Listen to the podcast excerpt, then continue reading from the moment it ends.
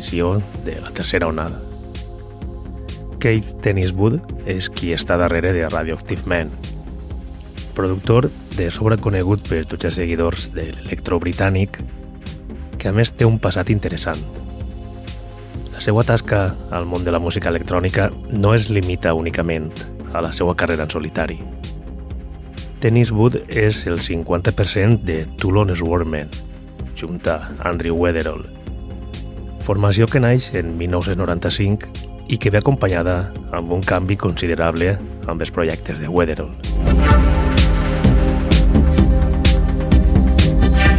La unió de Tennis Wood amb Weatherall seria determinant per al desenvolupament de l'estil i carrera de londinenc.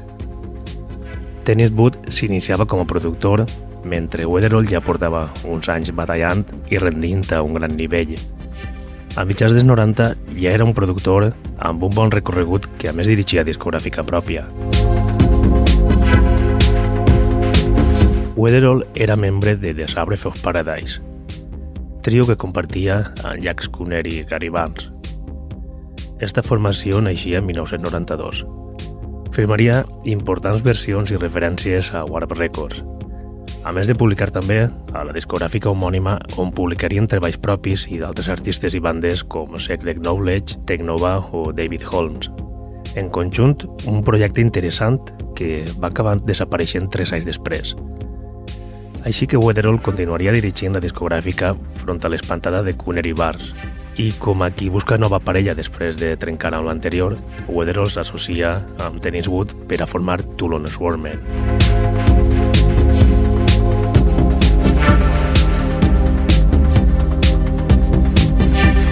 Hi havia que aprofitar el tiró que Weatherall havia aconseguit amb The Sabres of Paradise. La projecció de Warp Records pot ser siga un dels factors més importants a tenir en compte. Així que comença de nou amb Tenniswood. Es desvincula de tot l'anterior treball i el setxell Sabres of Paradise passa a ser Emissions Audio Output, discogràfica que manté alguns artistes de l'etapa anterior i que només estaria activa per un parell d'anys més.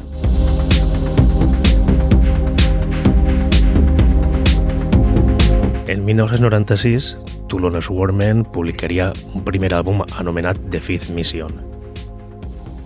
Com la resta d'àlbums que publicarien després, estos treballs conceptuals i més extensos es desvinculen de tots aquests singles que firmen. La majoria d'ells com a col·laboradors o fent versions d'altres artistes i bandes. Una de les col·laboracions més conegudes és la versió que fan en 1997 de Stuka, tema de Primal Scream.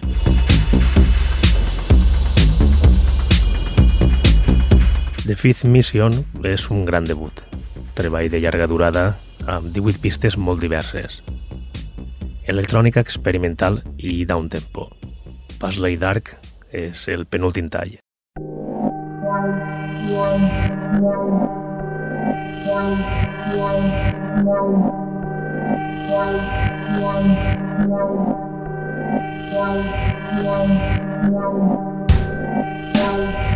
one Thank you.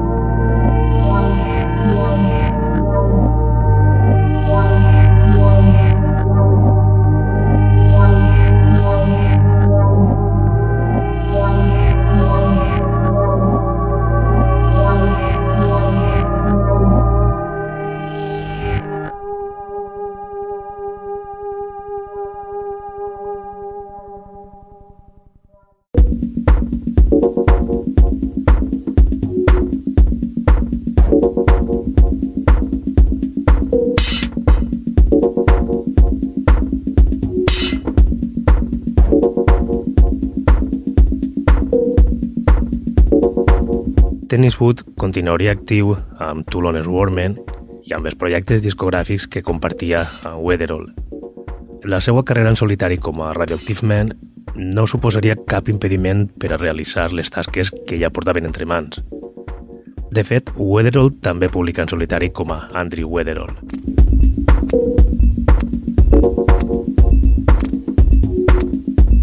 En 1999 debutaria Tennis Wood com a Radioactive Man amb un EP anomenat The Meth, un llançament polèmic amb la política interna de Tennis Wood i Weatherall, ja que es publicaria el setxell londinenc Fuel i pel que pareix no comptaria amb el recolzament de Weatherall, qui a més, sense cap permís, va crear un remix que finalment no va acabar veient la llum.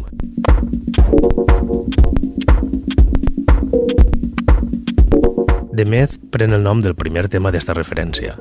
La pista original apareix en 2001 en el primer àlbum de Radioactive Man, àlbum que publicaria ja en Roders Golf Club, discogràfica que arranca aquest mateix any i que és propietat de Tennis Wood i Weatherall. Encara que Weatherall és qui està més involucrat i, pel que sembla, és la màxima autoritat. Un estatus dominant que el fa responsable de la poca visibilitat que tingué de Meth en Roders Golf Club.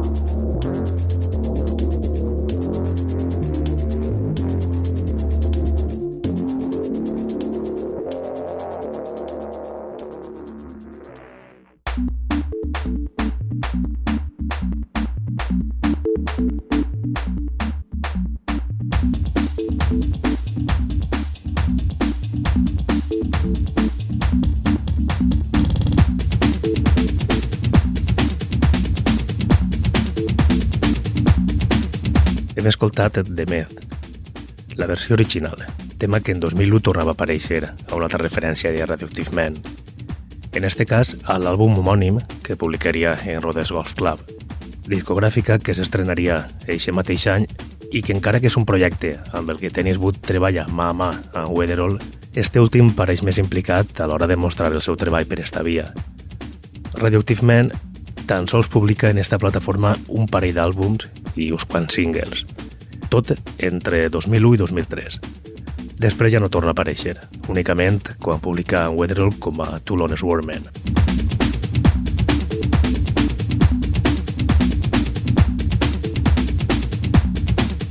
L'àlbum homònim de Radioactive Man presenta una mescla de sons en la que predomina l'electro. Electro que recorda molt a Kraftwerk i també eixes atmosferes a Detroit. A més d'afegir una distinció molt personal en quant a les sonoritats metàl·liques, especialment en la pista que tanca l'àlbum, Uranium.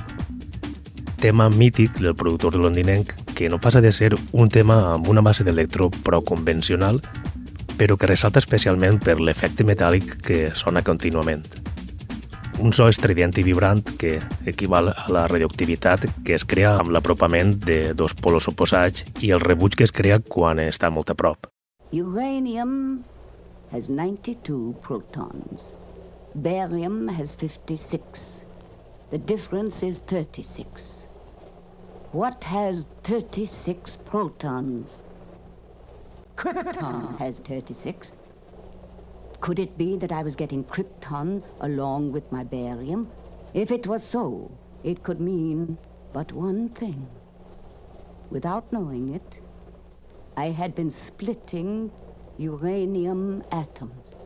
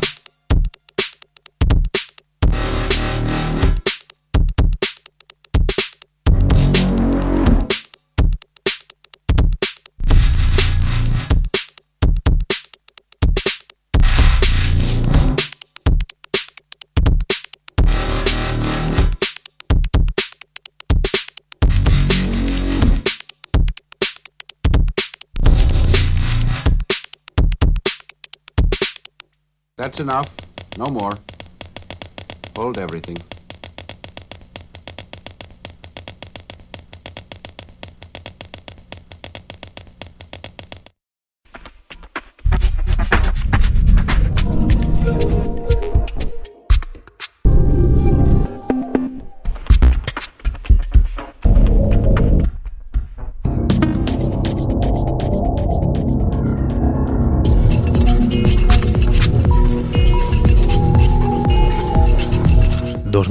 És un any important per a Radioactive Man.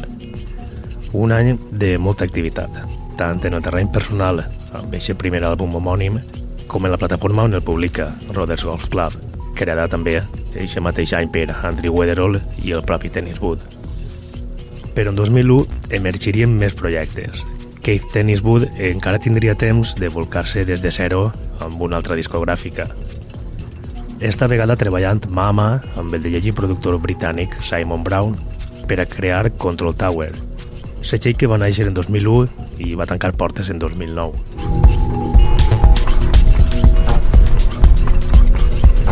El primer llançament que firmaria Tennis Wood, el seu nou setxell, el produiria amb The Exorcist, nom artístic del seu nou company de projecte Simon Brown. Després, en 2006, tornaria a aparèixer a este setxell amb un single. Però seria en 2008, en l'etapa final de Control Tower, quan Tennis Wood es trau de la manera un gran àlbum. De fet, l'únic àlbum que publicaria en esta discogràfica.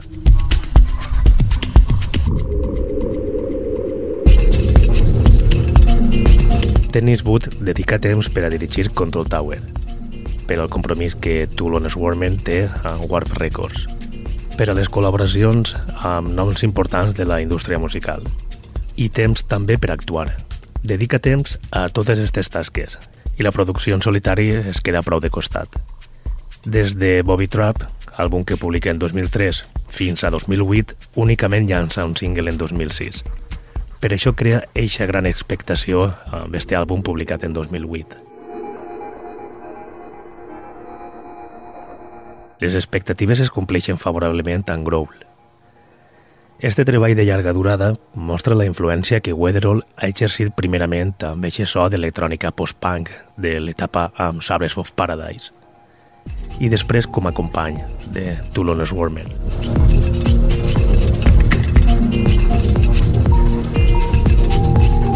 L'àlbum no es limita a un estil concret com és l'electro, Growl és una barreja de gèneres com el breakbeat, techno, acid, electro o inclús el rock. Un exemple perfecte de música electrònica sofisticada que ha acabat convertint-se en un model sonor britànic.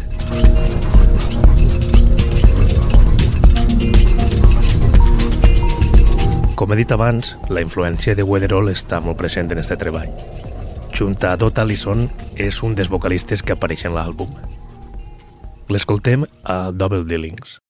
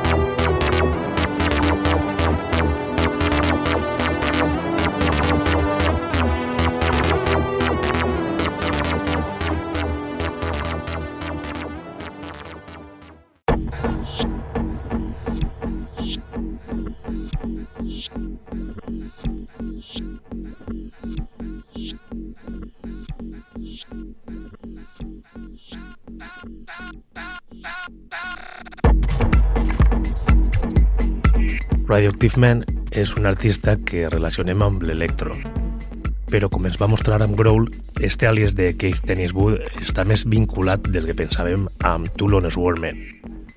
Les influències d'altres gèneres comencen a ser significatives i es reflecteixen en les composicions de Radioactive Man. Prenen tanta importància que algunes referències estan dedicades íntegrament a la fusió amb altres estils. És el cas de From the Dub Bolt, una sèrie de llançaments en el que el britànic s'inspira pel dub. I és que el reggae és una altra de les debilitats de Tennis Wood. Segons comenta, la idea de fusionar este gènere del reggae amb electrònica més actual i experimental és una idea que ja s'havia plantejat amb Andrew Weatherall per aportar-ho a terme amb Toulon Swarman. Una idea que no maurà amb aquesta formació, però que Tennis Wood ja portava anys treballant-la.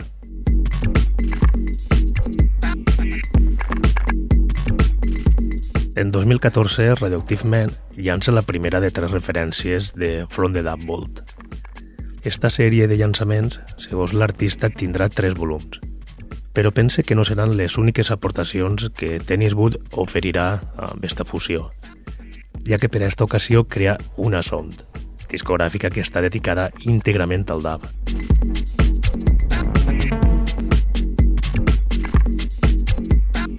Anem a escoltar esta primera presa de contacte de Radioactive Man amb el DAB amb aquest primer volum. Ram és la segona pista d'este llançament, tema que al igual que la resta estan creades prou de temps abans. Alguna d'elles, no sabem quina, ja feia 8 anys que l'havia creat.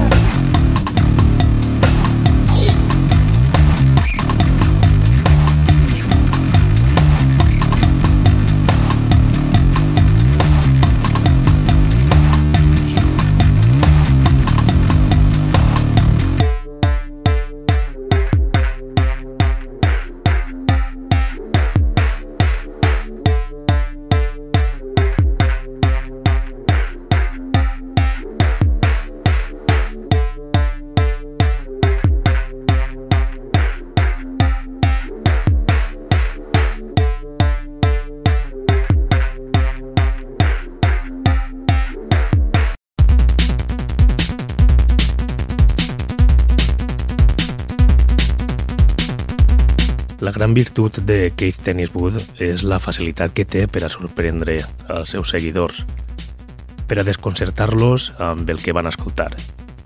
És un artista que treballa amb una àmplia gamma d'estils, encara que originalment Radioactive Man és un àlies basat en l'electro, gènere amb el qual es centra de nou amb el quint àlbum.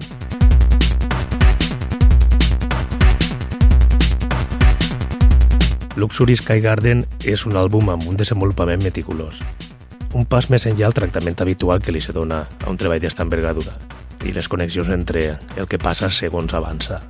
Tot està lligat, no és una referència creada capítol a capítol. El talent innat de Tenniswood dona com per oferir al seu públic un àlbum estructurat i equilibrat amb el que cada tema és part del següent i de l'anterior.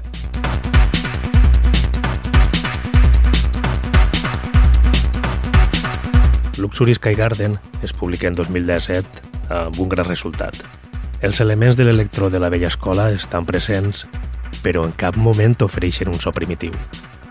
El tractament que Tenniswood dona a cada pista li aporta energia, matisos renovats i una seqüència que s'aparta de la monotonia que sol freqüentar aquest estil.